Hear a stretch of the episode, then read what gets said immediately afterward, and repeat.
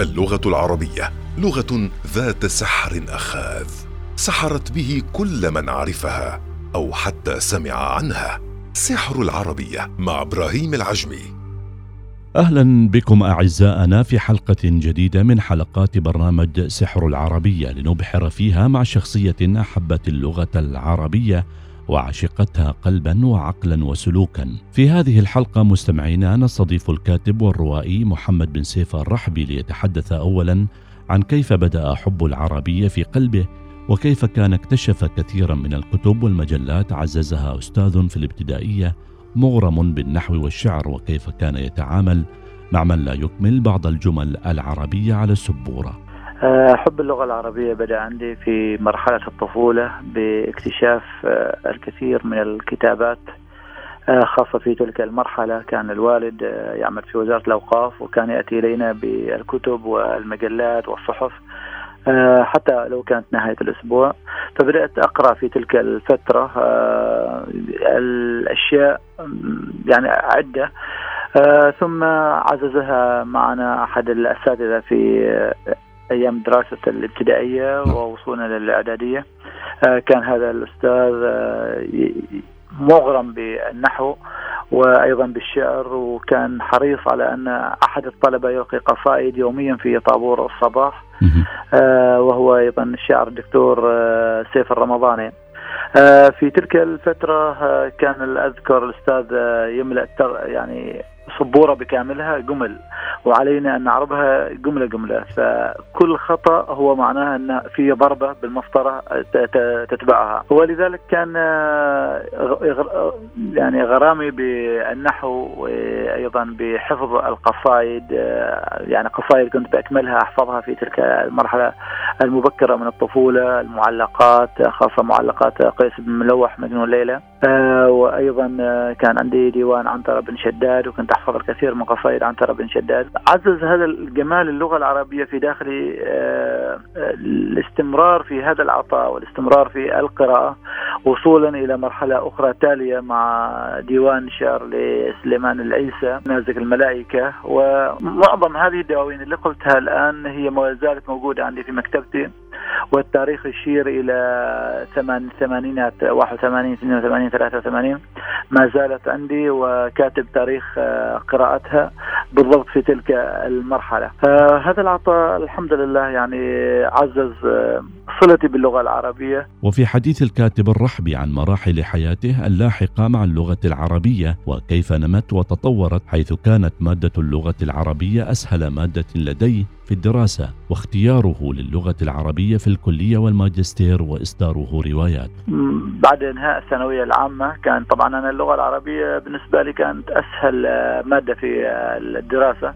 وخاصة التعبير. كنت يعني أنجز التعبير بشكل يعني يجيب العلامة الكاملة وفي اللغة العربية أيضا ما كانت تحتاج كثير مني إلى مراجعة آه، في خلال الدراسة أو خلال فترة ما قبل الامتحانات. آه ثم درست اللغة العربية في آه، جامعة بيروت واخترت اللغة العربية. آه سنة 1990 طبعا أنا ظليت فترة قبل أن أكمل الدراسة الجامعية. وطبعا متواصل مع الدراسة لاحقا مدرسة مرحلة الماجستير. أيضا اخترت لغة عربية للدراسة للبكالوريوس آه، اقصد الليسانس ليسانس لغة عربية. وأيضا بعد ذلك مرحلة دراسة الماجستير. مع التواصل القراءة والكتابة واصدرت عدد آه، مجموعات قصصيه وروايات وكتب عن الرحلات وكذا. هذا لغرامي بأن اللغة العربية هي الفيصل.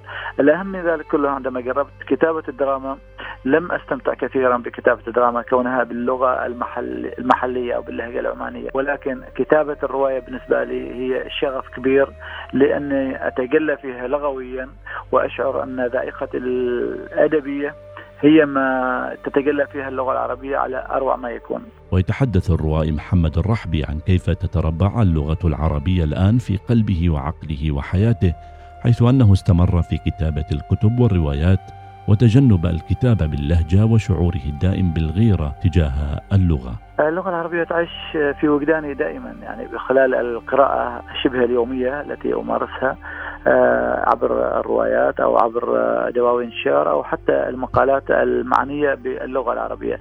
لتعزيز ذاكرتي أيضا في هذا القطاع في هذا المجال من خلال المفردات أيضا استحضار الكثير من النظريات أو التعويل مرة أخرى على استعادة النحو الصرف آه، لأنه الكاتب إذا فقد هذه الصلة صلته بعلم النحو فالأمور على قدر من السوء تكون كتاباته. حاول طبعا أن أن لا أخفي كثيرا في الكتابة باللغة العربية خاصة بالنسبة للنحو. آه، لو أشكل علي شيء أسأل أحد الأخوة. آه، لأعزز مكانة هذه اللغة العربية في داخلي كما يجب وكما ينبغي لأنها لغة جميلة وعذبة. كلما أقرأ آه، موضوع أو يتسم بالغزاله اللغوية أشعر بالغيرة وأن هناك من يكتب بهذا الجمال وعلي أن أتعلم كيف أكتب بهذا الجمال. واللغة العربية هي متنفسي الدائم قراءة وكتابة وترحالا. هذا صارت بالنسبة لي أزمة حتى في خطبة الجمعة عندما أستمع أستمع إلى أي لفظ يكون آه، به خطأ. نحوي أشعر أيضا بالامتعاض لأن أنا أريد من مثل هؤلاء اللي يقفون على المنابر أن تكون لغتهم العربية سليمة. آه، لأننا نتعلم منهم. آه، كيف تكون اللغة العربية كأجمل ما تكون وكأحسن ما تكون. فعلى المنبر دائما أفضل أن لا يكون الحديث باللغة العامية وإنما باللغة العربية الفصحى. فهي لغة القرآن الكريم وهي اللغة الأساسية للتعليم. آه، إحنا لا نتحدث الآن عن محادثة بين اثنين يتحدثون اللغة العربية الفصحى ولكن عبر منبر والمنابر آه، وضعت آه، أتوقع أو أعتقد جازما بأنها لابد أن تتجلى فيها اللغة العربية على أحسن حال وتصل إلى قارئها أو إلى مستمعها بصورة صحيحة وسليمة. بحيث تبتعد عن المسالب اللغوية والنحوية بشكل كبير.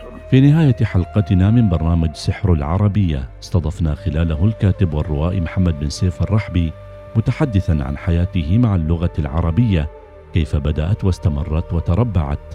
مقدمين له الشكر ولكم أعزائنا المستمعين وأمل بلقاء جديد في حلقة جديدة من سحر العربية.